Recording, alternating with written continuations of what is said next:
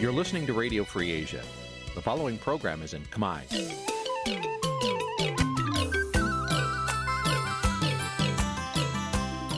Nǐ chi càm bi tiệp xáy vệt chiu a zì sê ray នេះជាកម្មវិធីផ្សាយរបស់ Vithu Azisari ជាភាសាខ្មែរ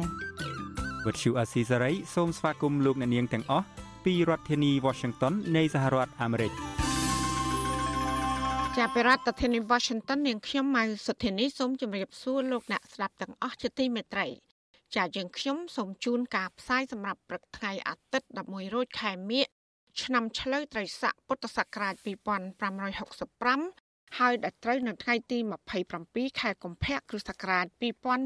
2022ជាកិច្ចចាប់ដើមនេះនាងខ្ញុំសូមអញ្ជើញលោកអ្នកនាងកញ្ញាស្ដាប់ព័ត៌មានប្រចាំថ្ងៃដែលមានមេត្តាដូចតទៅ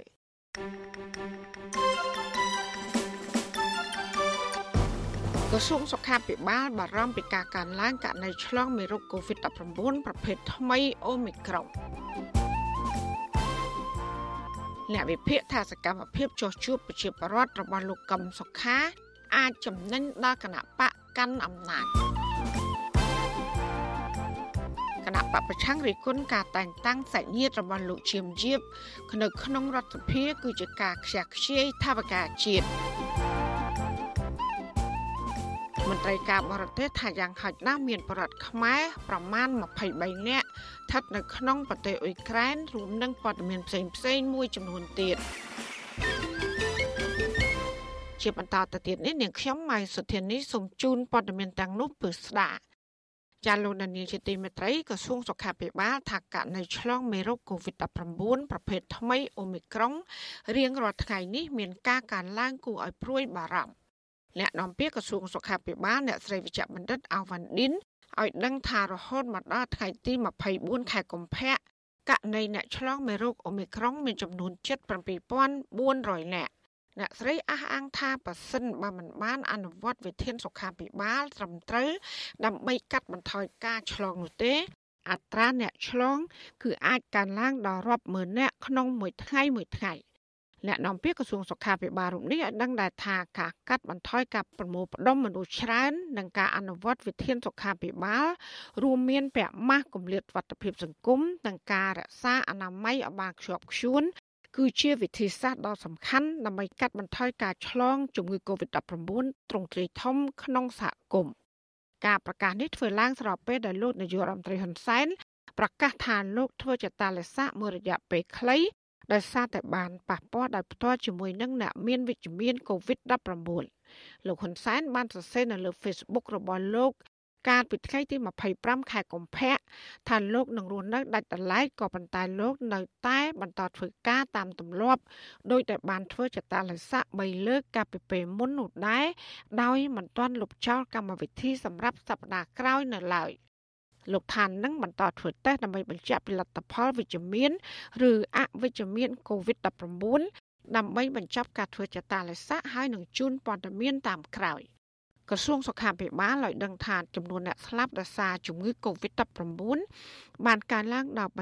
3032អ្នកហើយក្រោយពីមានអ្នកជំងឺ5អ្នកទៀតបានស្លាប់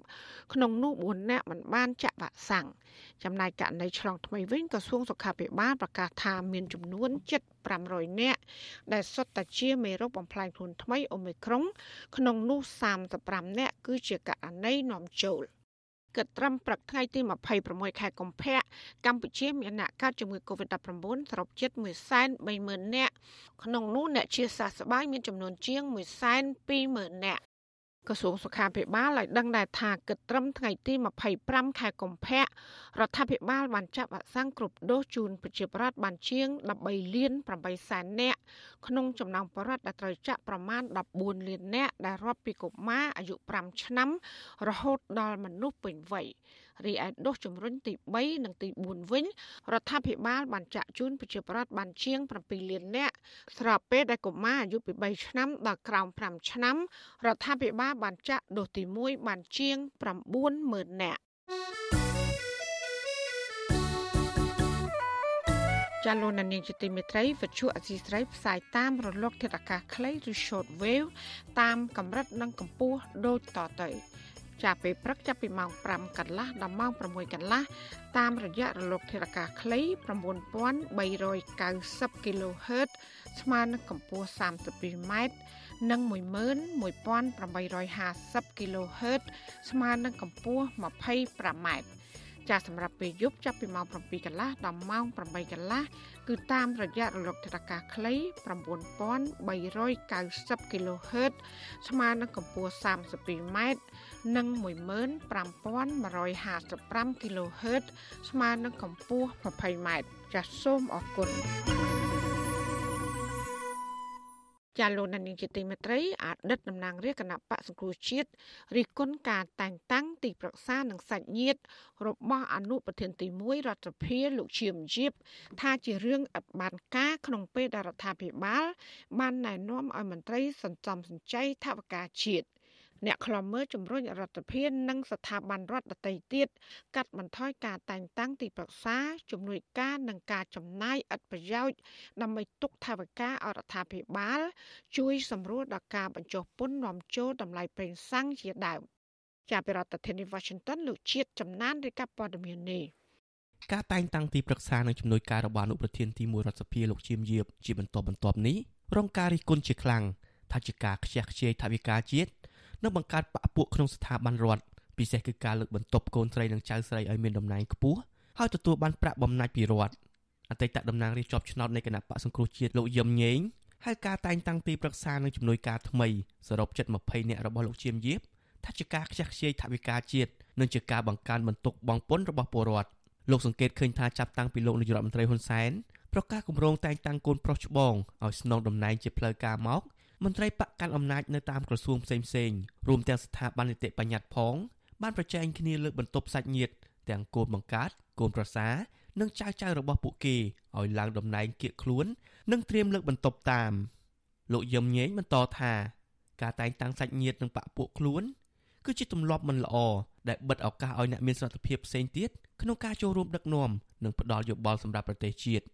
ជានេះទៅទៀតទម្លាប់នេះនឹងក្លាយជាគំរូអាក្រក់សម្រាប់យុវជនចំនួនក្រោយគឺដោយអ្វីដែលខ្ញុំបញ្ជាក់ជូនពីមុនមកអញ្ចឹងថាគាត់អត់មានសមត្ថភាពហើយក៏គាត់អត់មានឆន្ទៈទៅចូលការតំណែងជារដ្ឋាភិបាលនឹងដើម្បីជួយដោះស្រាយបញ្ហារបស់ជាតិជួយដោះស្រាយបញ្ហារបស់សភាជំរុញឲ្យដំណើរការការងាររបស់រដ្ឋសភាវាមានប្រសិទ្ធភាពហើយគឺអត់ទេបន្ថែមពីនេះមន្ត្រីបកប្រឆាំងដដែលមិនជឿថារដ្ឋាភិបាលមានឆន្ទៈចង់កាត់បន្ថយការចំណាយខ្ជះខ្ជាយរបស់រដ្ឋនោះទេផ្ទុយទៅវិញលោកយឹមញែង យល់ថាភាសាលើកឡើងពីការសន្សំសំចៃថវិកាជាតិរបស់លោកហ៊ុនសែនគ្រាន់តែជាសារប្រជាពិធឲ្យល្អស្ដាប់និងជាការរើសអើងមួយដើម្បីបិទឱកាសពលរដ្ឋមិនឲ្យទទួលបានការងារក្នុងក្របខ័ណ្ឌរដ្ឋប៉ុណ្ណោះគណៈកូនចៅរបស់មន្ត្រីធំធំនៃគណៈបកកាន់អំណាចសុទ្ធតែមានតួនាទីនិងតំណែងក្នុងជួររាជការអស់ទៅហើយការលើកឡើងនេះក្រោយពេលដែលព្រះមហាក្សត្រយល់ព្រមតាមសំណើរបស់អនុប្រធានទី1រដ្ឋសភាលោកជាមយាបក្នុងការសុំតែងតាំងទីប្រឹក្សានិងជំនួយការសរុបជិត20នាក់បន្ថែមទៀត។ ក្នុងចំណោមទីប្រឹក្សាថ្មីទាំងនោះមានទីប្រឹក្សាថ្មីម្នាក់ជាកូនស្រីបង្កើតរបស់លោកឈៀមយៀបគឺអ្នកស្រីឈៀមច័ន្ទសុចិតាឯជំនួយការដែលទៅនឹងតែងតាំងថ្មីវិញគឺជាចៅស្រីរបស់លោកឈ្មោះយៀបច័ន្ទសុចិនាទេវីការតែងតាំងមន្ត្រីទីប្រឹក្សាបន្ថែមនេះធ្វើឡើងតែប៉ុន្មានថ្ងៃប៉ុណ្ណោះក្រោយពេលដែលលោកហ៊ុនសែនអំពាវនាវឲ្យគ្រប់ស្ថាប័នរដ្ឋបង្កើតការសន្សំសំចៃថវិកាជាតិតាមរយៈការផ្អាកគម្រោងទិញរថយន្តស៊េរីទំនើបដើម្បីជិះចូលមូលដ្ឋានពង្រឹងបកជាដើម។ បើសូម្បីតែប្រាក់ពេលសកម្មមូលដ្ឋានក៏យើងកាត់បន្ថយយើងកាត់បន្ថយសូមអរគុណតែ2ឆ្នាំកន្លងទៅនេះកាត់បន្ថយនៃការប្រើប្រាស់របស់ក្រសួងកាត់តាំងពីអាដែងដែកខ្មៅតាំងពីกระដាស់តាំងពីអាសម្ភារៈប្រើប្រាស់កាត់ដើម្បីយកមកបំពេញឲ្យការចំណាយដែលវាមានការចាំបាច់ជាងពាក់ព័ន្ធនឹងការតែងតាំងទីប្រឹក្សាជំនួយការបន្ថែមរបស់អនុប្រធានទី1រដ្ឋសភានេះអ្នកនាំពាក្យរដ្ឋសភាលោកលេងពេញឡុងប្រាប់វិសុអស៊ីសេរីថាការងារនេះ គឺជាសំណើផ្ទាល់ខ្លួនរបស់ថ្នាក់ដឹកនាំរដ្ឋសភាដែលលោកមិនមានទូនាទីពាក់ព័ន្ធនឹងការងារនេះទេវិទ្យុអស៊ីសេរីមិនអាចសុំការបញ្ជាក់ផ្ទាល់ពីលោកជាមយាបបានទេនៅថ្ងៃទី26ខែកុម្ភៈប៉ុន្តែកាលពីចុងខែវិច្ឆិកាឆ្នាំ2021លោកជាមយាបធ្លាប់ស្នើថ្វាយព្រះមហាក្សត្រសូមតែងតាំងមន្ត្រីខុទ្ទកាល័យទីប្រឹក្សាបច្ចេកទេសមន្ត្រីផ្នែកទំនាក់ទំនងសាធារណៈជំនួយការនិងលេខាធិការសរុបជាង10នាក់ម្ដងរួចហើយក្នុងនោះកូនប្រសាម្នាក់ គឺរដ្ឋលេខាធិការក្រសួងយុតិធធលោកកឹមសន្តិភាពកាន់តួនាទីជានាយកខុទ្ទកាល័យរបស់អនុប្រធានទី1រដ្ឋសភាសរុបមកក្រោយខ្លាយជាអនុប្រធានទី1នៃរដ្ឋសភាឯកបៈលោកឈៀមយៀបមានមន្ត្រីអមជាខុទ្ទកាល័យជំនួយការទីប្រឹក្សាសរុបជាង30នាក់សង្គមស៊ីវិលមិនសាទរនឹងការតែងតាំងសាច់ញាតិនិងទីប្រឹក្សាដើម្បីប្រមូលផ្ដុំអំណាចនោះទេតំណាងក្រុមប្រឹក្សាខ្លំមើលកម្ពុជានិងជាប្រធានសហព័ន្ធសហជីពកម្ពុជាលោករងឈុន សង្កេតឃើញថាគ្រប់ស្ថាប័នរបស់រដ្ឋាភិបាលនិងសភាមានទីប្រឹក្សាច្រើនហើយលើសពីតម្រូវការងារជាក់ស្ដែងលោកយល់ថាដើម្បីបញ្ជាការរិះគន់ទាំងឡាយនេះរដ្ឋាភិបាលនិងរដ្ឋសភាគួរធ្វើច្បាប់កំណត់ចំនួននិងការវាស់វែងសមត្ថភាពទីប្រឹក្សាជំនួយការលេខាធិការឲ្យបានច្បាស់លាស់ ជៀសវាងมันមានភាពប្រកបបជាហើយចេះតែតែងតាំងអាការដែលតែងតាំងហ្នឹងគ្រាន់តែជាការពង្រឹងនៅអធិបុលនៅអំណាចរបស់ខ្លួនមិនមែនតែងតាំងទីប្រឹក្សាជំនួយការដើម្បីឲ្យការងារនឹងរីកចម្រើននោះទេចាប់តាំងពីមានការបោះឆ្នោតដល់ជំនួយចម្រាស់ឆ្នាំ2018មករដ្ឋាភិបាលបានបង្កើតចំនួនមន្ត្រីខុទ្ទកាល័យទីប្រឹក្សាជំនួយការយ៉ាងច្រើនសន្ធឹកសន្ធាប់ក្នុងនោះលោកហ៊ុនសែនមានទីប្រឹក្សាលេខាធិការច្រើនជាងគេ គឺជាង500នាក់ ប្រធានព្រឹទ្ធសភាលោកផ្សាយឈុំមានទីប្រឹក្សាជាង200នាក់ប្រធានរដ្ឋសភាលោកហេងសំរិនមានទីប្រឹក្សាជិត50នាក់គណៈអនុប្រធានព្រឹទ្ធសភាអនុប្រធានរដ្ឋសភារដ្ឋមន្ត្រីព្រះសង្ឃរាជនិងមន្ត្រីនយោបាយផ្សេងទៀតម្នាក់ម្នាក់សុទ្ធតែមានទីប្រឹក្សានិងជំនួយការយ៉ាងច្រើនជាទូទៅប្រាក់បៀវត្សនិងប្រាក់អត្ថប្រយោជន៍របស់ទីប្រឹក្សានឹងទទួលបានទៅតាមឋានៈដែលបានតែងតាំងដោយព្រះរាជក្រឹត្យលើកលែងតែករណីព្រះរាជក្រឹត្យចែងបញ្ជាក់ថាពុំទទួលបានប្រាក់បំណាច់ ចំណែកទូនាទីនិងកាតព្វកិច្ចរបស់ទីប្រឹក្សាឬជំនួយការវិញមិនត្រូវបានកំណត់ជាក់លាក់នោះទេគឺអាស្រ័យដោយប្រធានស្ថាប័នជាអ្នកចាត់ចែងខ្ញុំបាទជាតិចំណាន Visual Assisray ពីរដ្ឋធានី Washington លោកនានីជាទីមេត្រីប្រធានគណៈបកសង្គ្រោះជាតិលោកកឹមសុខានៅរយៈពេលចុងក្រោយនេះបានចុះជួបប្រជាប្រដ្ឋនៅតាមមូលដ្ឋានជាញឹកញាប់គណៈដែលការបោះឆ្នោតចិត្តចូលមកដល់ អ្នកវិភាគថាសកម្មភាពរបស់លោកកឹមសុខានេះគឺដើម្បីរក្សាប្រជាប្រិយភាព និងកុំឲ្យប្រជាប្រដ្ឋភ្លេចមុខចា៎នេះគឺជាសកម្មភាពរបស់លោកយុនសាមៀនអំពីរឿងនេះពីរដ្ឋធានី Washington លោកកម្មសខាដែលតឡាការហាមមិនអោយធ្វើនយោបាយហាក់កំពុងប្រើប្រាស់សេរីភាពរបស់លោកបានច្រើនជាងមុនដោយលោកបានចុះមូលដ្ឋានស្ទើររាល់ថ្ងៃនិងចែកអំណោយដល់ពលរដ្ឋ មេគណៈបកប្រឆាំងរូបនេះបានបង្ហោះសកម្មភាពរបស់លោកតាម Facebook ជាបន្តបន្ទាប់និងលើកឡើងថាទោះបីសិទ្ធិនយោបាយរបស់លោកត្រូវបានតុលាការហាមឃាត់ប៉ុន្តែលោកមិនអាចកាត់ផ្តាច់ក្តីនឹករលឹកពីពលរដ្ឋបានឡើយលោកបន្តថាអង្គត្រីខមីទឹកផ្លែឈើនិងថវិការបស់លោកជូនពលរដ្ឋក្រីក្រទោះបីតិចតួចក្តីប៉ុន្តែជាមនោសញ្ចេតនាទឹកចិត្តមនុស្សធម៌របស់លោកតាក់ទងសកម្មភាពចុះមូលដ្ឋានរបស់លោកកឹមសុខានេះ អ្នកនាំពាក្យរដ្ឋាភិបាលលោកផៃស៊ីផានយល់ថាបើលោកកំសខាធ្វើសកម្មភាពក្នុងនាមជាពលរដ្ឋគឺមិនខុសបំរាមឡើយប៉ុន្តែបើលោកកំសខាចុះទៅប្រមូលកម្លាំងនយោបាយនឹងធ្វើក្នុងនាមជាប្រធានគណៈបកនយោបាយគឺល្មើសបំរាមតុលាការហើយ។ ទៅនោះទៅក្នុងសំណាងស្អីបើបកគលផលំលោកទៅជាភិក្ខុជនចម្រើនណាបាទបាទអានេះបើយើងវិនិច្ឆ័យមើលទៅនឹងគឺលោកទៅក្នុងលក្ខណៈជាឯកជនដូច្នេះមិនមានអ្វីការប្រខុសនោះទេពីការប្រស័យតាក់ទងជាមួយនឹងប្រជាពលរដ្ឋជារឿងធម្មតាព្រោះលោកជាប្រជាពលរដ្ឋខ្មែរដែរ តកតងទៅនឹងការចុះមូលដ្ឋានរបស់លោកកឹមសុខានេះដែរអ្នកវិភាគយល់ថាលោកកឹមសុខាចង់រក្សាប្រជាប្រិយភាពជាមេគណៈបកប្រឆាំងនិងកុំឲ្យអ្នកគាំទ្រភ្លេចមុខអ្នកវិភាគនយោបាយដែលកំពុងភៀសខ្លួននៅប្រទេសហ្វាំងឡង់លោកកឹមសុខយល់ថាការចែកអំណោយរបស់លោកកឹមសុខាអាចធ្វើឲ្យលោកជួបអ្នកគាំទ្រខ្លួននិងអាចធ្វើឲ្យលោកដឹងពីសុខទុក្ខពលរដ្ឋទោះបីជាយ៉ាងណាលោកថាសកម្មភាពរបស់លោកកឹមសុខានេះក៏អាចធ្វើឲ្យរដ្ឋាភិបាលទាញផលចំណេញដែរ ដោយយករូបភាពនេះទៅប្រាប់សហគមន៍អន្តរជាតិថាពេលនេះលោកកម្មសខាកំពុងមានសេរីភាព សកម្មភាពនានារបស់អ្នកនយោបាយជាពិសេសមេដឹកនាំនយោបាយសំខាន់សំខាន់ហ្នឹងគួរប្រុងប្រយ័ត្នខ្ពស់កាលណាយើងធ្វើសកម្មភាពអ្វីមួយដែលគ្រាន់តែបង្ហាញសកម្មភាពក៏ប៉ុន្តែវាជាគន្លឹះដែលពួកអ្នកកាន់អំណាចយកទៅបកស្រាយដើម្បីជាផលប្រយោជន៍នយោបាយរបស់គេក៏គួរជៀសវាងឲ្យបានច្រើនបំផុតតាមដែលអាចធ្វើទៅបាន ស្រដៀងគ្នានេះដែរអ្នកជំនាញផ្នែកវិទ្យាសាស្ត្រនយោបាយនិងកិច្ចការអន្តរជាតិលោកអែមសវណ្ណរាយល់ថាលោកកឹមសុខាគ្រាន់តែចង់រំលឹកទៅអ្នកគាំទ្រកុំឲ្យភ្លេចមុខដោយសារតែមេគណៈបកប្រឆាំងរូបនេះបានរក្សាភាពស្ងាត់ស្ងៀមយូរបន្តិចទៅហើយ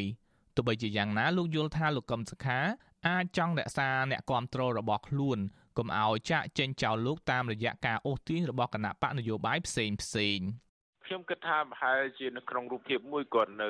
គេហៅថាប្រោតភាពកក់ក្ដៅនៅដល់អ្នកគ្រប់គ្រងណាជាទី1ដល់សកម្មជននៅមូលដ្ឋានបើក្នុងក្នុងករណីដែលគណៈបកសង្គ្រោះជាតិមិនអាចចេញរួចប្រហែលជាគាត់អាចចេញតាមរូបភាពគណៈបកសិទ្ធិមនុស្សដោយគណៈបកភ្លើងទៀនគេធ្វើអញ្ចឹងបើសិនជាគាត់មិនធ្វើសកម្មភាពសោះទេអាចអ្នកគ្រប់គ្រងទាំងអស់ហ្នឹងទៅខាងភ្លើងទៀនអស់នេះជាសកម្មភាពមួយរបស់គាត់បាទ គិតមកដល់ពេលនេះនៅតែជាង4ខែទៀតទេការបោះឆ្នោតឃុំសង្កាត់នឹងចូលមកដល់ប៉ុន្តែនៅមិនទាន់មានសញ្ញាណាមួយថាលោកកឹមសុខាអាចចូលរួមក្នុងការបោះឆ្នោតនេះបានទេទោះបីសហគមន៍អន្តរជាតិចង់ឃើញវត្តមានលោកក្នុងការបោះឆ្នោតនេះនិងការបោះឆ្នោតជាតិឆ្នាំ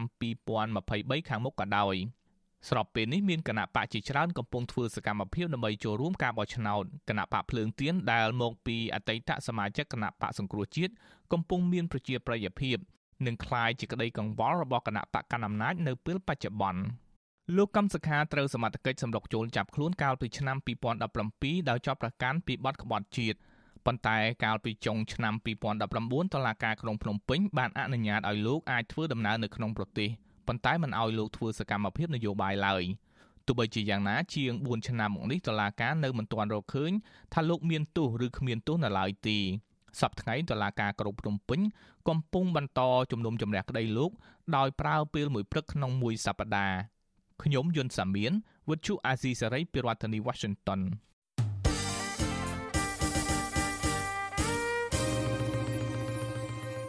ចាលោកនានីជាទីមេត្រីតកតងនឹងកិច្ចការបោះឆ្នោតវិញមន្ត្រីសង្គមស៊ីវិលនិងគណៈបញ្ញយោបាយនៅតែរកឃើញថាគណៈបកកាន់អំណាចកំពុងរំលោភច្បាប់តាក់ទងនឹងការប្រើប្រាស់ស្ថាប័ននិងធនធានរដ្ឋ ដើម្បីបម្រើប្រយោជន៍នយោបាយរបស់ខ្លួន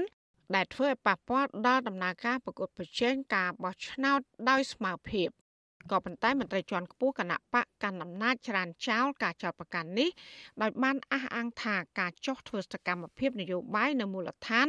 របស់សមាជិកបកគឺមិនបានប្រើប្រាស់ធនធានរដ្ឋដើម្បីកេងចំណេញលើគូប្រកួតប្រជែងនយោបាយនោះឡើយ មន្ត្រីសង្គមស៊ីវិលនិងបកប្រឆាំងចាត់ទុកការយកធនធានជាតិទៅគ្រប់គ្រងសកម្មភាពនយោបាយរំលោភបំពានលើការបោះឆ្នោតដោយសេរីត្រឹមត្រូវនិងយុត្តិធម៌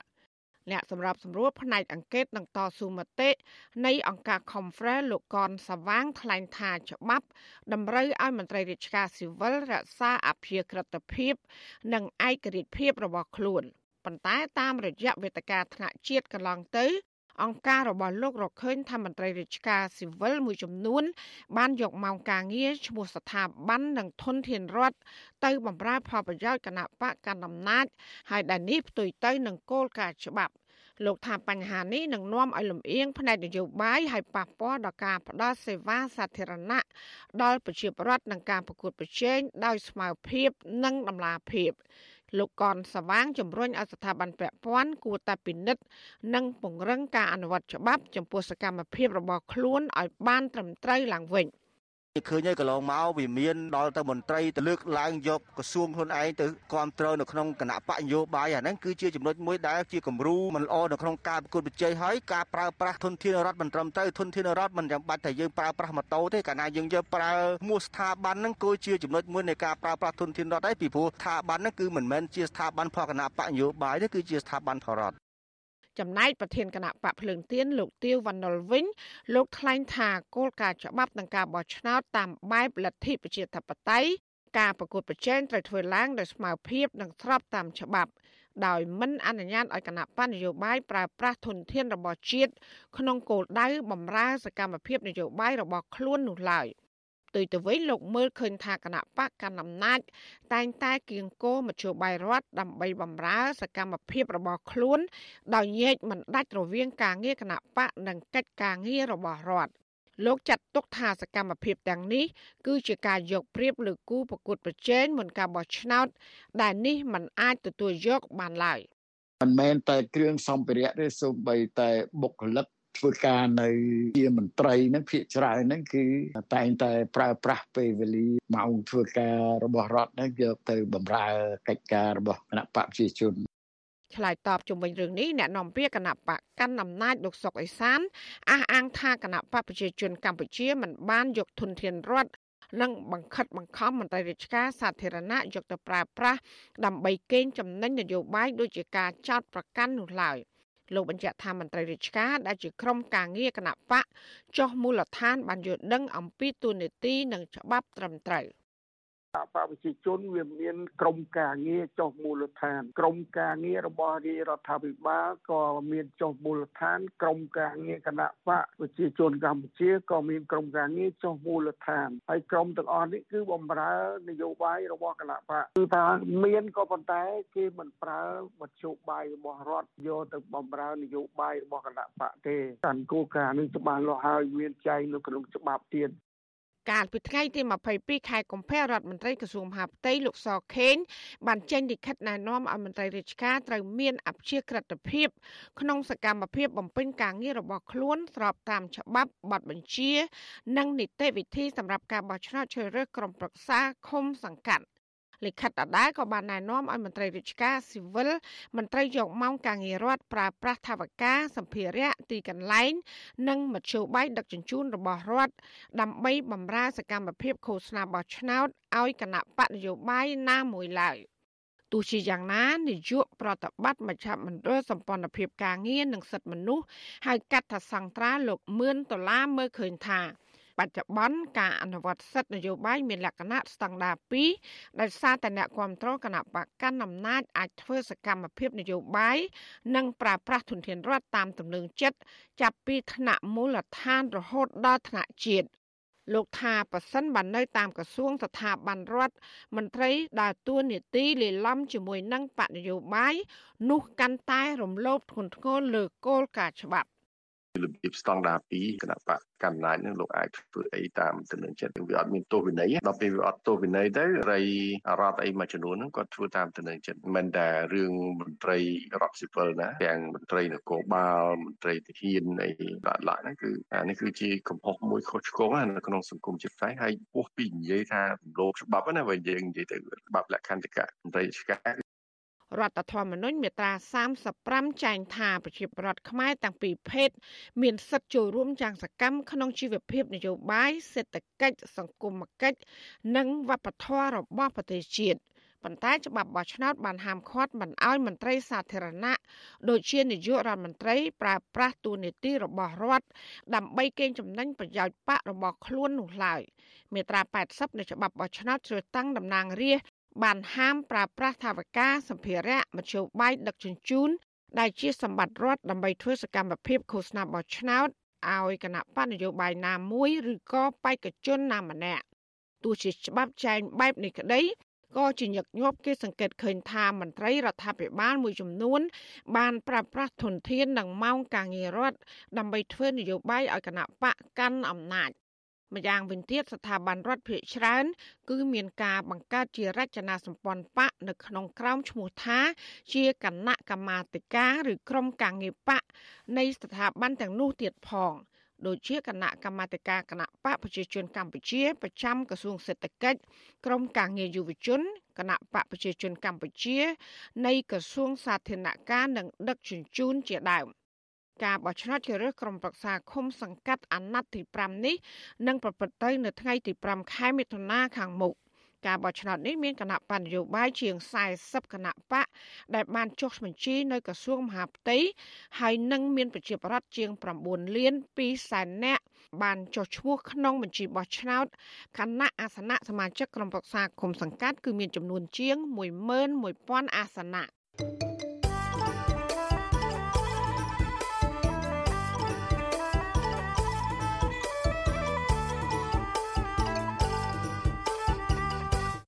លោកអ្នកនាងកញ្ញាកំពុងស្ដាប់ការផ្សាយរបស់វិទ្យុអាស៊ីសេរីផ្សាយចេញពីរដ្ឋធានី Washington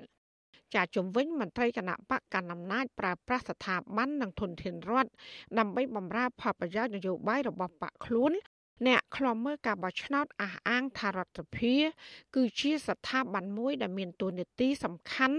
ក្នុងការត្រួតពិនិត្យការអនុវត្តរបស់មន្ត្រីរដ្ឋាភិបាល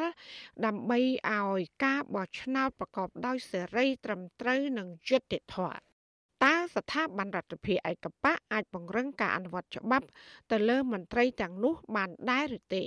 សូមលោកអ្នកនាងកញ្ញារងចាំស្ដាប់ការបកស្រាយរបស់អ្នកសម្របសម្រួលផ្នែកអង្កេតនិងតស៊ូមតិនៃអង្គការ Conference ជុំវិញបញ្ហានេះនាពេលបន្តិចទៀតនេះចាសសូមអរគុណ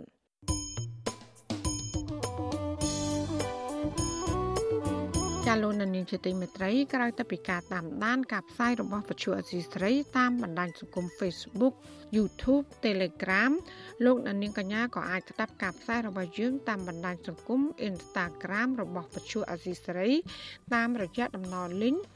www.instagram.com/rfa ខ្មែរ ជាទីសេរីនឹងបន្តខិតខំផ្សព្វផ្សាយព័ត៌មានពិតសម្រាប់លោកនាងកញ្ញាតាមបណ្ដាញសង្គមផ្សេងផ្សេងនិងសម្បូរបែបដើម្បីឲ្យលោកនាងងាយស្រួលតាមដានការផ្សាយរបស់យើងគ្រប់ពេលវេលា និងនៅគ្រប់ទីកន្លែងតាមរយៈទូរស័ព្ទដៃរបស់លោកអ្នកចាសសូមអរគុណ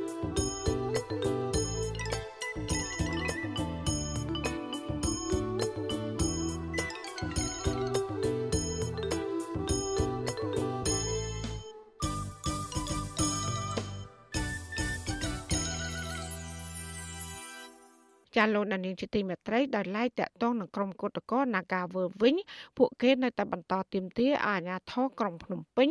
បញ្ឈប់សកម្មភាពធ្វើទុកបុកម្នេញទៅលើពួកគាត់ដែលបានចេញតវ៉ាដោយសន្តិវិធី ក្នុងការស្វែងរកដំណោះស្រាយបញ្ចប់វិវាទការងារជាមួយនឹងថៅកែបនលបែងកាស៊ីណូ Nagawal ពួកគេបដិញ្ញាថារួមសាមគ្គីគ្នាតស៊ូរកដំណោះស្រាយ បើទោះបីជាអាញាធននៅតែបន្តធ្វើបាបពួកគេយ៉ាងណាក៏ដោយចាប់ពីរដ្ឋធានី Washington អ្នកស្រីខែសំណងរាយការណ៍ព័ត៌មាននេះកតក Nagaworld ថាពួកគេមិនចោះចាញ់ឬបាក់ស្បាតចំពោះការបង្ក្រាបរបស់អាជ្ញាធរក្រុងភ្នំពេញនោះទេកតកនឹងជាបុគ្គលិក Nagaworld កញ្ញាប៉ែនរិស័យឲ្យវិទ្យុអស៊ីសេរីដឹងនៅថ្ងៃទី26កុម្ភៈថា ដរាបណាថកែ Nagaworld មិនចេញមុខដោះស្រាយវិវាទការងារនេះទេក្រុមកោតក្រទាំងអស់នៅតែបន្តបដិញ្ញាចិត្តចេញធ្វើកោតកម្មគ្មានទីបញ្ចប់កញ្ញារំលឹកថា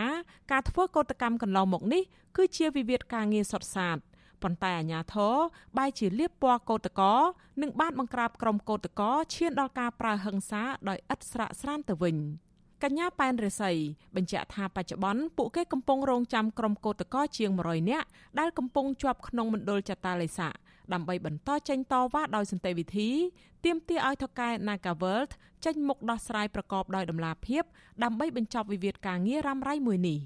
កញ្ញាបញ្ជាក់ជំហរថាបើទោះបីជាអាញាធរប្រឹងប្រែងរារាំងដាក់កម្លាំងបង្ក្រាប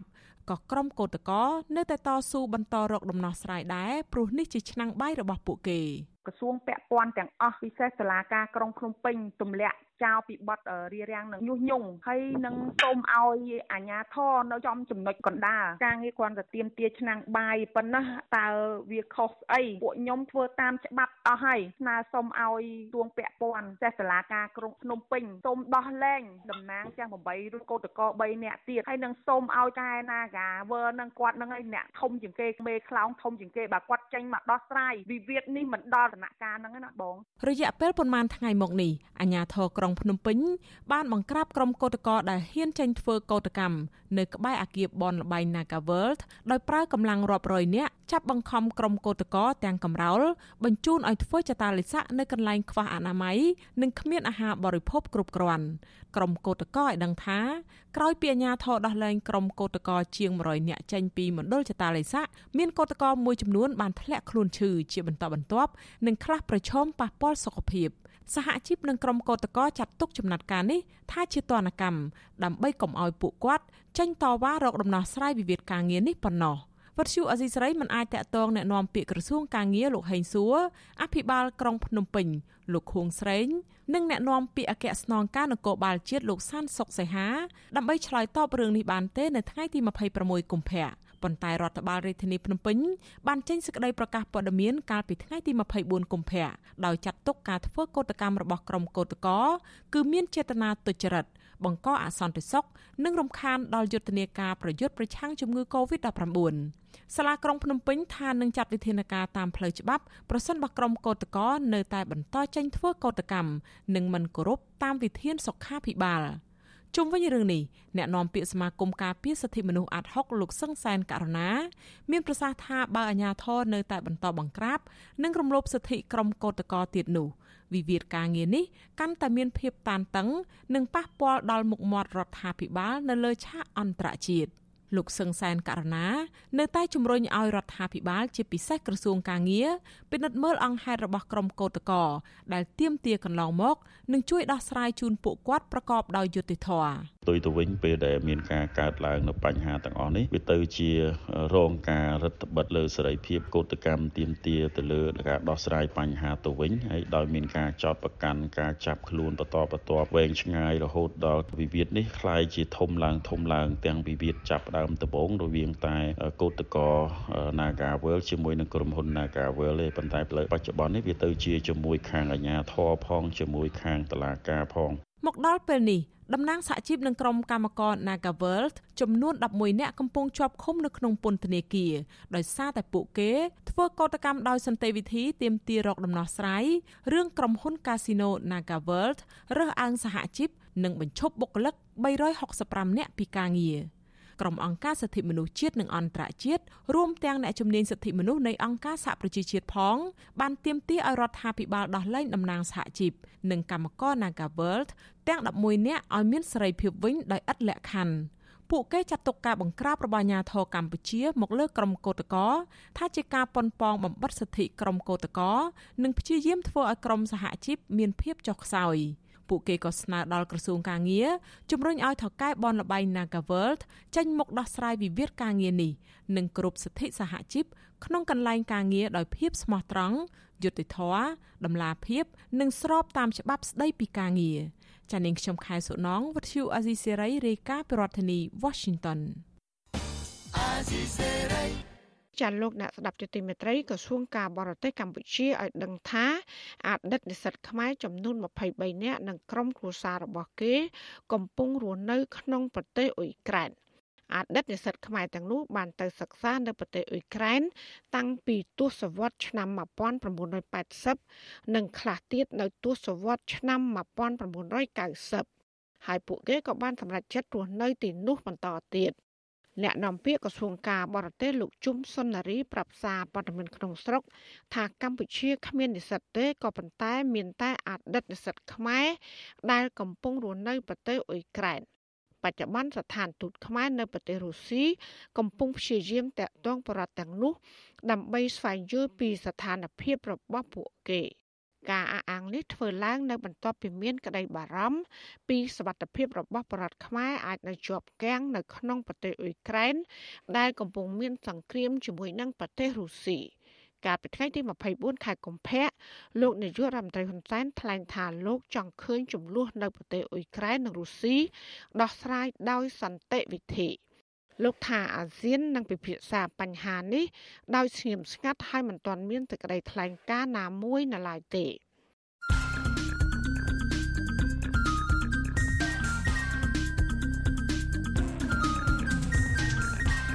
បទសំភារ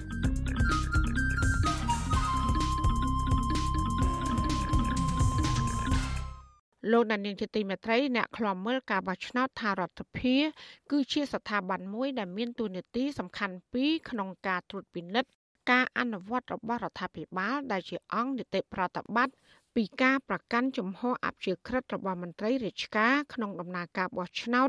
ដោយតែមានចែងនៅក្នុងច្បាប់ ស្ដីពីសហលក្ខន្តិកៈរបស់មន្ត្រីរាជការច្បាប់នេះបានហាមឃាត់ដាច់ខាតលើការប្រើប្រាស់តួនាទី និងសកម្មភាពជាអព្យាក្រឹតនិងការយកសម្ភារៈពេលវេលានិងធនធានរបស់រដ្ឋប្រើប្រាស់ហើយដែលទាមទារឲ្យស្ថាប័នរដ្ឋាភិបាលត្រូវតែពង្រឹងការពិនិត្យតាមដាន និងការដាក់សម្ពាធតើស្ថាប័នរដ្ឋាភិបាលឯកបៈអាចធ្វើបានដែរឬទេ សូមលោកអ្នកនាងកញ្ញាស្ដាប់បទសម្ភាសន៍របស់អ្នកស្រីខែសំណងជាមួយអ្នកសម្របសម្រួលផ្នែកអង្កេតនិងតស៊ូមតិនៃអង្គការ Confrere លោកកនសវាងជំវិញបញ្ហានេះដូចតទៅ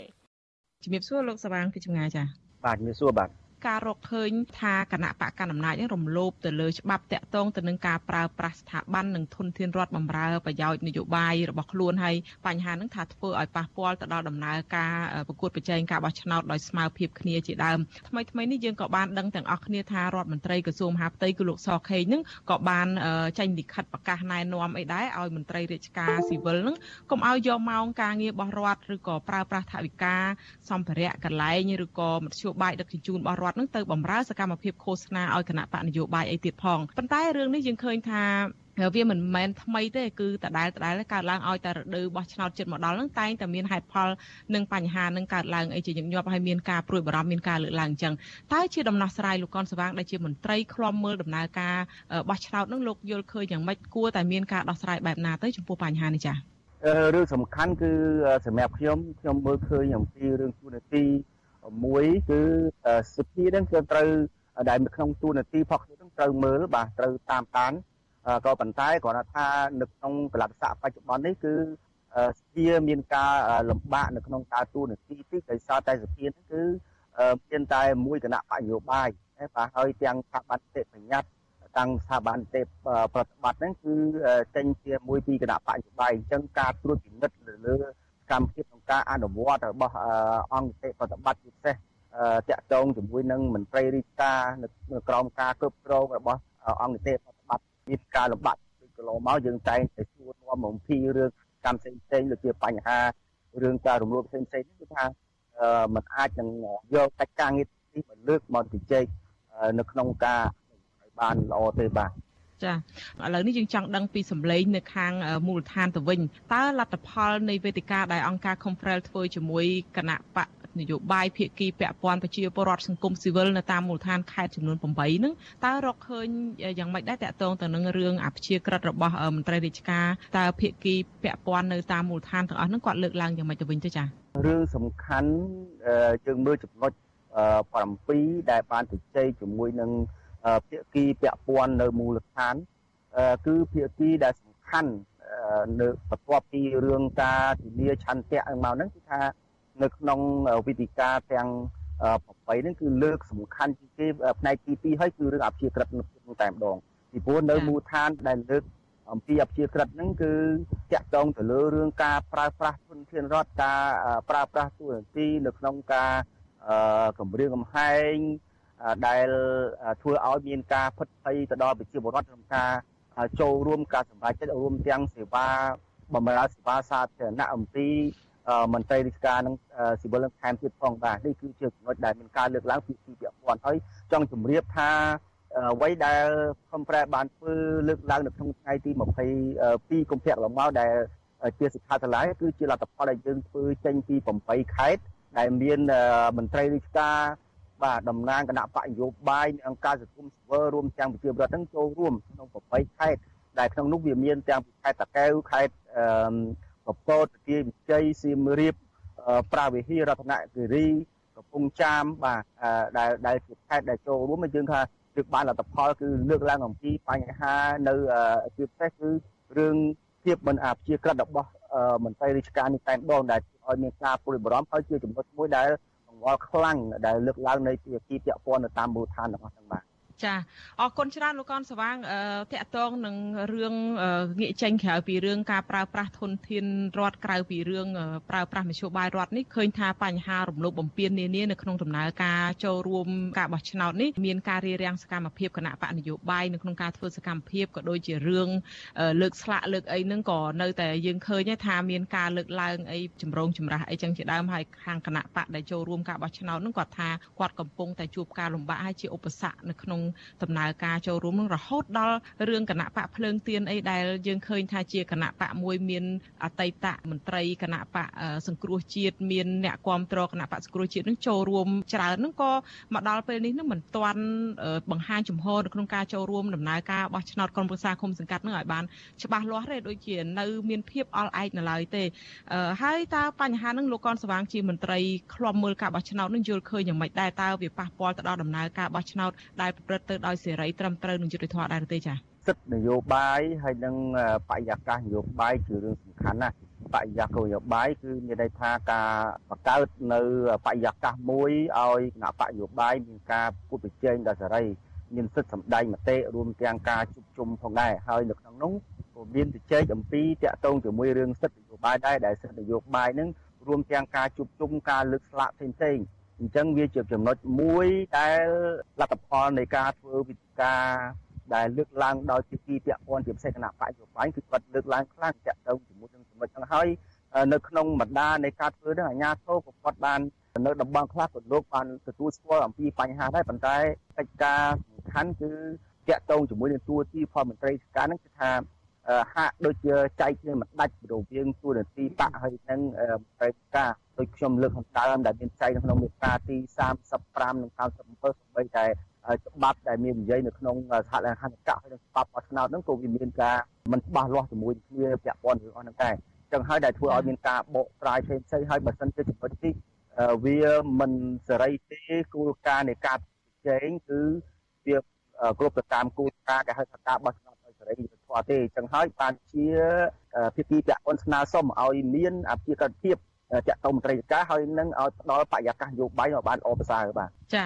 លោកបានដឹងហើយថារឿងករណីតឡាការហាមឃាត់មិនឲ្យលោកកឹមសុខាចូលរួមគណៈបកនយោបាយហើយលោកសំរងស៊ីមកដល់ពេលនេះក៏មិនអាចវិលចូលស្រុកអីវិញបានតើបញ្ហានេះអាចរាប់បញ្ចូលទៅក្នុងបរិយាកាសនយោបាយដូចថាអាចមានលក្ខណៈយ៉ាងម៉េចទៅដែរហើយបើទុកជាខាងគណៈបកប្រជាជននឹងបានប្រកាសហើយថាអ្នកចូលរួមបោះឆ្នោតមិនមែនមានតែគណៈបកប្រឆាំងហើយមានគណៈបកនយោបាយប្រមាណ40ឯនោះចូលរួមតើអាចថាជាបរិយាកាសល្អហើយឬនៅចាត្រង់ចំណុចមួយនេះចារកមកពីខ្ញុំសូមរំលឹកតិចថាកាលចុងឆ្នាំកន្លងមកបាទគឺគុំជីវិលជាង60បាទដែលមានការគ្រប់គ្រងនៅការលើកឡើងនៅលក្ខខណ្ឌមួយចំណុចដែលស្នើសុំឲ្យរាជរដ្ឋាភិបាលហ្នឹងមានការស្ដារឡើងវិញរួមទាំងបរិយាកាសនយោបាយដែលគិតគូរពិនិត្យធ្វើការអស់លែងទៅដល់សកម្មជននយោបាយដែល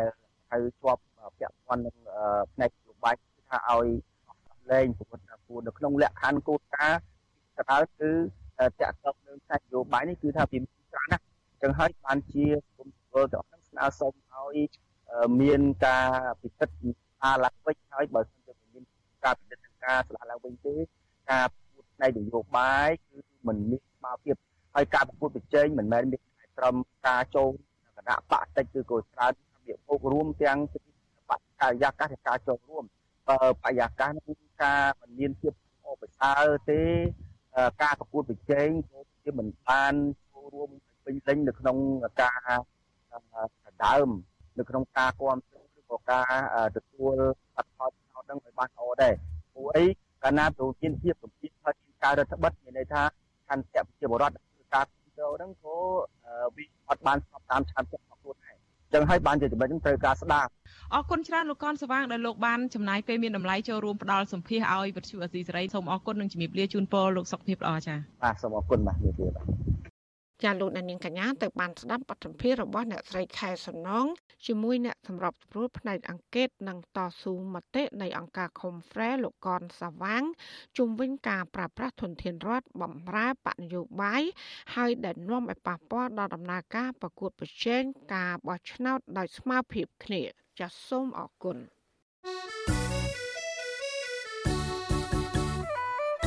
ចាលោកនាងជាទីមេត្រីវិទ្យុអសីស្រីផ្សាយតាមរលក ធាតុអាកាសខ្លីឬ short wave តាមកម្រិតនិងកម្ពស់ដូចតទៅចាប់ពេលព្រឹកចាប់ពីម៉ោង5កន្លះដល់ម៉ោង6កន្លះតាមរយៈរលកធាតុអាកាសខ្លី9390 kHz ស្មើនឹងកម្ពស់ 32m និង11850 kHz ស្មើនឹងកម្ពស់ 25m ចាសសម្រាប់ពេលយប់ចាប់ពីម៉ោង7កន្លះដល់ម៉ោង8កន្លះគឺតាមរយៈរលកថេដាកាខ្លី9390 kHz ស្មើនឹងកម្ពស់ 32m និង15155 kHz ស្មើនឹងកម្ពស់ 20m ចាសសូមអរគុណ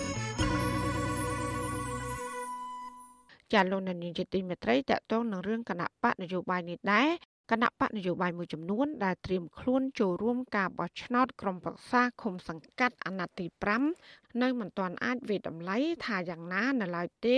សម្រាប់ដំណើរការបោះឆ្នោតដែលរៀបចំដោយកោជបនៅពេលនេះដោយរងចាំតាមដានស្ថានភាពជាច្រើនដំណាក់កាលទៅមុខទៀត ចាការលើកឡើងនេះនៅបន្ទាប់ពីមន្ត្រីកោជបណែនាំឲ្យអ្នកពាក់ព័ន្ធអនុវត្តត្រឹមត្រូវតាមច្បាប់ ដើម្បីរៀបចំការបោះឆ្នោតក្រុមប្រឹក្សាឃុំសង្កាត់ឲ្យបានល្អនិងមានទំនុកចិត្តពីម្ចាស់ឆ្នោតព្រមទាំងជាគំរូសម្រាប់ការបោះឆ្នោតជាតិនៅក្នុងឆ្នាំ2023ខាងមុខចាប់ពីរដ្ឋធានី Washington អ្នកស្រីសុជីវីមានសេចក្តីរាយការណ៍ពុស្ដាជំវិញព័ត៌មាននេះមន្ត្រីអង្គការសង្គមស៊ីវិលនិងគណៈបកនយោបាយសាទរ ដែលកោជបណែនាំមន្ត្រីនៅតាមមូលដ្ឋានឲ្យអនុវត្តឲ្យបានត្រឹមត្រូវតាមច្បាប់ដើម្បីធានាការបោះឆ្នោតដែលមានទំនុកចិត្តតែទោះយ៉ាងណា ពួកគេមើលឃើញថានៅក្នុងដំណើរការរៀបចំការបោះឆ្នោតការអនុវត្តច្បាប់តែម្យ៉ាងគឺនៅមិនទាន់អាចធ្វើឲ្យការបោះឆ្នោតនោះអាចចាត់ទុកថាសេរីត្រឹមត្រូវយុត្តិធម៌និងអាចទទួលបានទំនុកចិត្តពីម្ចាស់ឆ្នោតបានដែរ អ្នកសម្របសម្រួលផ្នែកអង្កេតនិងតស៊ូមតិនៃអង្គការ Confrel លោកកនសវាង សង្កេតឃើញថាកន្លងទៅ មានទឹកតាំងដែលបញ្ជាក់ថារាល់ការអនុវត្តច្បាប់មិនមែនសុទ្ធតែជាការអនុវត្តល្អនិងត្រឹមត្រូវនោះទេព្រោះច្បាប់ខ្លះនៅមានចំណុចខ្វះខាតនៅឡើយលោកកនសវាងរំលឹកពីការអនុវត្តច្បាប់បោះឆ្នោតនៅក្នុងឆ្នាំ2017ដែលអាចចាត់ទុកថាជាការអនុវត្តមិនត្រឹមត្រូវមួយគឺដោយមានការរំលាយគណៈបកសង្គ្រោះជាតិដែលជាគណៈបកប្រឆាំង ទទួលបានសម្លេងឆ្នោតពីប្រជាពលរដ្ឋច្រើនសន្ធឹកសន្ធាប់ជាដើម។ការរំលាយគណៈបកយោបាយដោយសារតែបុគ្គលរូបវត្តបុគ្គលមួយដែលប្រព្រឹត្តនៅកំហុសទៅរំលាយបកទៅរំលាយឆន្ទៈប្រជាបរតដែលមិនមែនកាត់ឡើងដោយសារការការបែងចែកផតលាការមិនមែនជាប់ដោយសារតែការចាត់តាំងនឹងត្រូវបានយកអាសនៈដែលប្រជាបរតបោះដោយផ្ទាល់ដោយសម្ងាត់នោះតាមគោលការណ៍ប្រជាធិបតេយ្យទៅចែកឲ្យ គណៈបកផ្សេងហ្នឹងអាហ្នឹងនឹងសួរថាតើការអនុវត្តច្បាប់បែបហ្នឹងល្អដែរឬមួយក៏អត់ការលើកឡើងនេះបន្ទាប់ពីអនុប្រធានគណៈកម្មាធិការជាតិរៀបចំការបោះឆ្នោតកោជបលោកនុតសុខុមជំរុញឲ្យភាគីពាក់ព័ន្ធរៀបចំការបោះឆ្នោតពិសេសគណៈកម្មការរៀបចំការបោះឆ្នោតរាជធានីខេត្តទាំងអស់រៀបចំការបោះឆ្នោតជ្រើសរើសក្រុមប្រឹក្សាឃុំសង្កាត់ឆ្នាំ2022នេះឲ្យបានល្អតាមនីតិវិធីនិងក្របខ័ណ្ឌច្បាប់ដើម្បីជាមុខមាត់កោជបនិងជាគំរូ សម្រាប់ការបោះឆ្នោតជាតិនៅក្នុងឆ្នាំ2023ខាងមុខនឹងឯការបោះឆ្នោតយើងឃុំសង្កាត់នេះខំប្រឹងធ្វើយ៉ាងម៉េចឲ្យរលូនជោគជ័យមែនតែនទៅយើងទាំងអស់គ្នាខិតខំប្រឹងប្រែងធ្វើអត់ជំរឹះទេយើងខិតខំធ្វើទៅតាមច្បាប់ទាំងអ្វីដែលមានចែងនៅក្នុងរដ្ឋធម្មនុញ្ញទាំងអ្វីដែលមានចែងនៅក្នុងច្បាប់បោះឆ្នោតទាំងអស់ហើយអ្វីដែលធំគឺបទបញ្ជានីតិវិធីសម្រាប់ការ បោះឆ្នោតក៏ដូចជាការចុះឈ្មោះទាំងអស់នេះជាពិសេសការបោះឆ្នោតឃុំសង្កាត់នេះពួកយើងទៅឈានទៅបោះឆ្នោតតំណាងរាស្ត្រអាណត្តិក្រោយឆ្នាំក្រោយដូច្នេះហើយតោងខិតខំឲ្យឃុំសង្កាត់នេះកុំឲ្យមានបាតុភិបផ្ដល់ជំនឿដើម្បីឈានទៅបោះឆ្នោត2023នេះអនុប្រធានកោជបបញ្ជាក់បែបនេះនៅចំពោះមុខមន្ត្រីបុគ្គលិកនៃលេខាធិការដ្ឋានរៀបចំការបោះឆ្នោតខេត្តកំពង់ឆ្នាំងកាលពីថ្ងៃទី19ខែកុម្ភៈ សម្រាប់លោកកនសវាងកោជបគួរតែពិនិត្យកែសម្រួលក្របខ័ណ្ឌច្បាប់ពាក់ព័ន្ធនិងចាំបាច់មួយចំនួនដែលបានធ្វើឲ្យការបោះឆ្នោតមិនបានធានានៅឆន្ទៈពិតប្រាកដរបស់ពលរដ្ឋពិសេសច្បាប់គណៈបកនយោបាយរួមទាំងពិនិត្យមើលទៅលើច្បាប់តាក់ទងមន្ត្រីរាជការកងកម្លាំងផ្ដាល់អាវុធថែមទៀតណាបាទ បញ្ហាប្រឈមដែលកន្លងមកទាំងគណៈបកនយោបាយក៏ដូចអង្គការសង្គមស៊ីវិលបានស្នើសុំនឹងពិនិត្យមើលចំណុចអស់ហ្នឹងហើយធ្វើការវិសោធនកម្មឬក៏មានការកែប្រែហ្នឹងអាហ្នឹងបានគិតថាតើដំណើរការទាំងអស់ហ្នឹងវាចូលនៅក្នុងស្តង់ដារគោលការណ៍នៃការបោះឆ្នោតដោយសេរីយុត្តិធម៌ហើយឬនៅកាលពីខែកក្កដាឆ្នាំ2021ក្រុមអង្គការសង្គមស៊ីវិលចំនួន64ស្ថាប័ន រួមគ្នាទាមទាររដ្ឋាភិបាលលោកហ៊ុនសែនធានាឲ្យបាននៅលក្ខខណ្ឌអបបរមាចំនួន6ចំណុចដើម្បីឲ្យការបោះឆ្នោតប្រព្រឹត្តទៅដោយសេរីនិងយុត្តិធម៌ក្នុងនោះរួមមាន ការបង្កើតបរិយាកាសនយោបាយសេរី ការធានាសិទ្ធិនយោបាយនិងសិទ្ធិអ្នកបោះឆ្នោតជាមួយគ្នានោះក៏ស្នើធ្វើវិសោធនកម្មច្បាប់គណៈបកនយោបាយនិងច្បាប់បោះឆ្នោតបញ្ឈប់ការដកហូតអាសនៈអ្នកតំណាងជាប់ឆ្នោតដោយសារតែការរំលាយគណៈបកនយោបាយ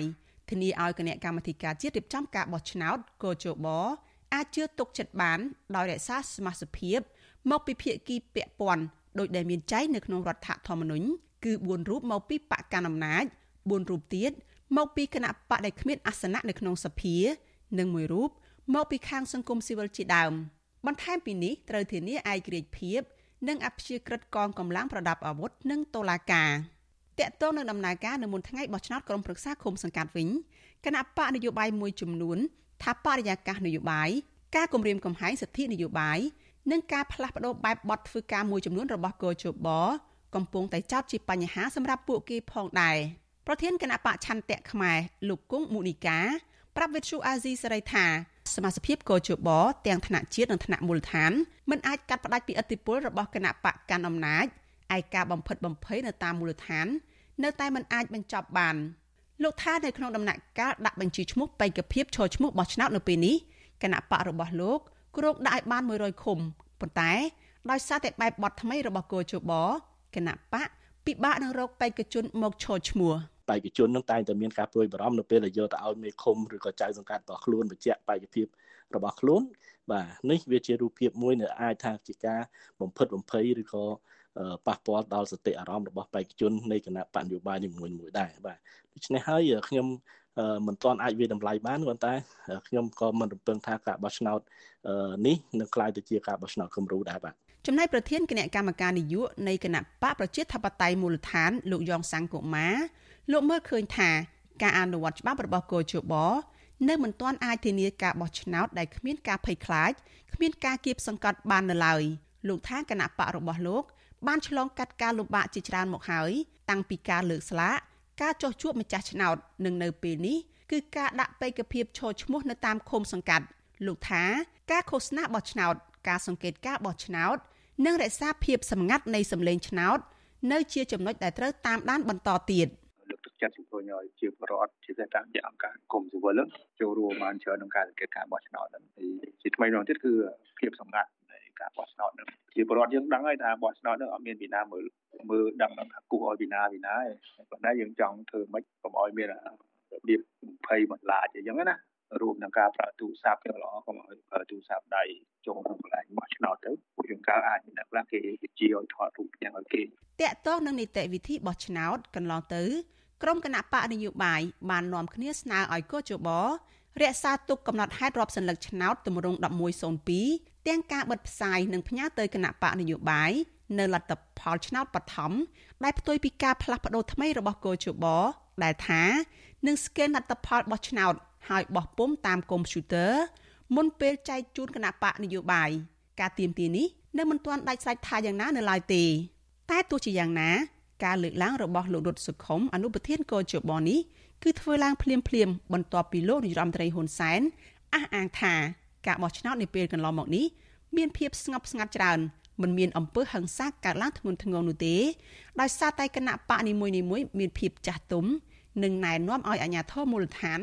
បង្កលក្ខណៈសម្បត្តិសម្រាប់បណ្ដាគណៈបកនយោបាយនានាធ្វើសកម្មភាពនៅមុនការបោះឆ្នោតក្រុមប្រឹក្សាឃុំសង្កាត់ជាមួយគ្នានេះអ្នកនាំពាក្យគណៈបកប្រជាជនកម្ពុជាលោកសុកអេសានធ្លាប់អះអាងថាស្ថាប័នរៀបចំការបោះឆ្នោតបច្ចុប្បន្ននេះ អាចធានាការបោះឆ្នោតបានដោយសេរី ដែលប្រជាពលរដ្ឋអាចទទួលយកបានបើទោះជាយ៉ាងណាក្រោយការរំលាយគណៈបកសង្គ្រោះជាតិកាលពីចុងឆ្នាំ2017និងព្រឹត្តិការណ៍បោះឆ្នោតបង្កើតរដ្ឋាភិបាលនិងរដ្ឋសភាឯកបកកាលពីឆ្នាំ2018មកសហគមន៍អន្តរជាតិបានដាក់ទណ្ឌកម្មជាបន្តបន្ទាប់លើរដ្ឋាភិបាលលោកហ៊ុនសែន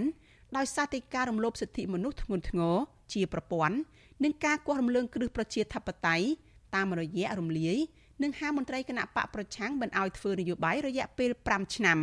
អ្នកតាមដានស្ថានភាពនយោបាយនិងសង្គមមើលឃើញថារដ្ឋាភិបាលឯកបកពិបាកនឹងជៀសផុតពីទណ្ឌកម្មបន្ថែមទៀតប្រសិនបើបន្តឲ្យសិទ្ធិមនុស្សនិងប្រជាធិបតេយ្យស្ថិតនៅក្នុងភាពដុនដាបតទៅទៀតនៅមុនការបោះឆ្នោតក្រុមប្រឹក្សាឃុំសង្កាត់និងការបោះឆ្នោតជាតិខាងមុខនេះនាងខ្ញុំសុជីវីវិទ្យុអាស៊ីសេរីពីរដ្ឋធានី Washington thank you you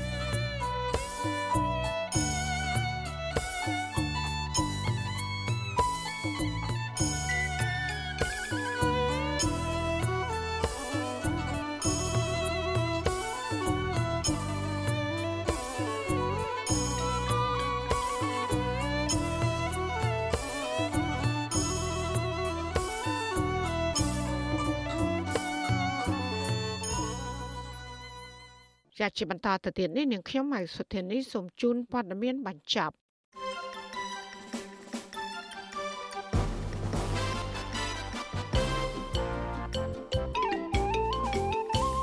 ក្រសួងសុខាភិបាលថាករណីឆ្លងមេរោគ COVID-19 ប្រភេទថ្មីអូមីក្រុងរៀងរាល់ថ្ងៃនេះមានការកើនឡើងគួរឲ្យព្រួយបារម្ភ អ្នកនាំពាក្យក្រសួងសុខាភិបាលអ្នកស្រីវិជ្ជបណ្ឌិតអាវ៉ាន់ឌិនឲ្យដឹងថារហូតមកដល់ថ្ងៃទី24ខែកុម្ភៈ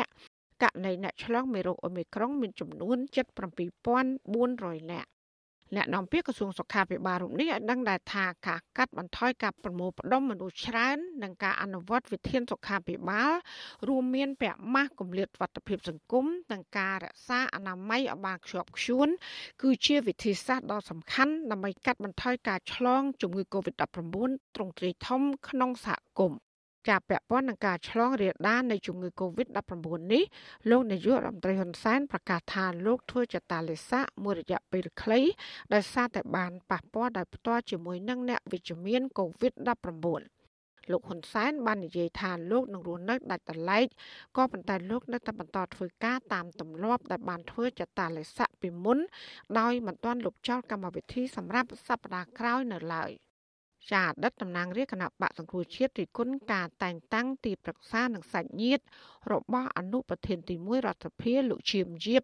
ថាជារឿងឥតបានការក្នុងពេលដែលរដ្ឋាភិបាល បានណែនាំឲ្យមន្ត្រីសន្សំសំចៃថវិកាជាតិចាអ្នកវិភាគថាសកម្មភាពចោះជួបប្រជាពលរដ្ឋរបស់លោកកឹមសុខានេះគឺដើម្បីរក្សាប្រជាប្រិយភាព និងកុំឲ្យប្រជាពលរដ្ឋភ្លេចមុខ ការលើកឡើងរបស់អ្នកវិភាគនេះក្រោយដែលប្រធានគណៈបកសង្គ្រោះជាតិលោកកឹមសុខានៅរយៈពេលចុងក្រោយនេះបានចុះជួបបរដ្ឋតាមមូលដ្ឋានជាញឹកញាប់ជាងមុនខណៈដែលការបោះឆ្នោតកាន់តែខិតជិតមកដល់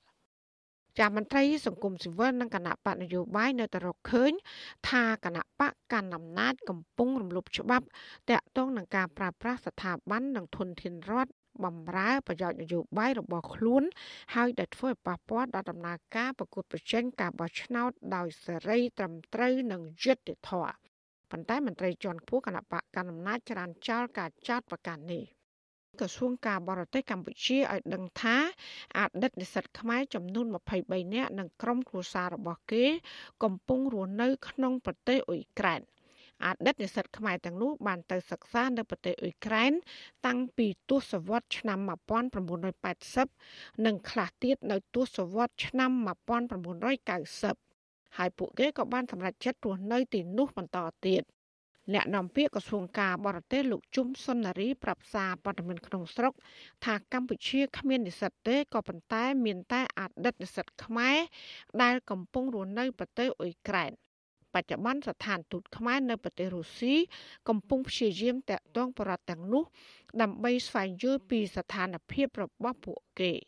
ការអះអាងនេះធ្វើឡើងនៅបន្ទាប់ពីមានក្តីបារម្ភពីសវត្ថិភាពរបស់បរតខ្មែរអាចនៅជាប់គាំងនៅក្នុងប្រទេសអ៊ុយក្រែនដែលកំពុងមានសង្គ្រាមជាមួយនឹងប្រទេសរុស្ស៊ី។ កាលពីថ្ងៃទី24ខែកុម្ភៈលោកនាយករដ្ឋមន្ត្រីហ៊ុនសែនថ្លែងថាលោកចង់ឃើញចំនួននៅប្រទេសអ៊ុយក្រែននិងរុស្ស៊ីដោះស្រាយដោយសន្តិវិធី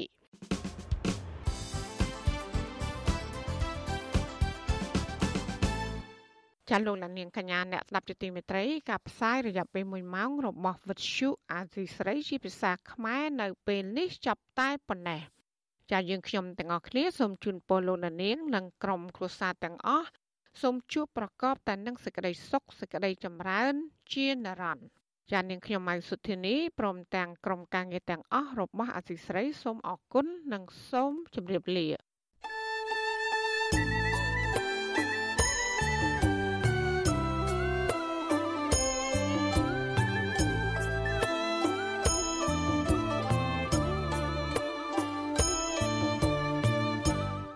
វិទ្យុអេស៊ីសេរីផ្សាយតាមរលក ធាតុអាកាសខ្លីឬ short wave តាមកម្រិតនិងកម្ពស់ដូចតទៅនេះពេលព្រឹកចាប់ពីម៉ោង5កន្លះដល់ម៉ោង6កន្លះតាមរយៈរលកធាតុអាកាសខ្លី9390 kHz ស្មើនឹងកម្ពស់ 32m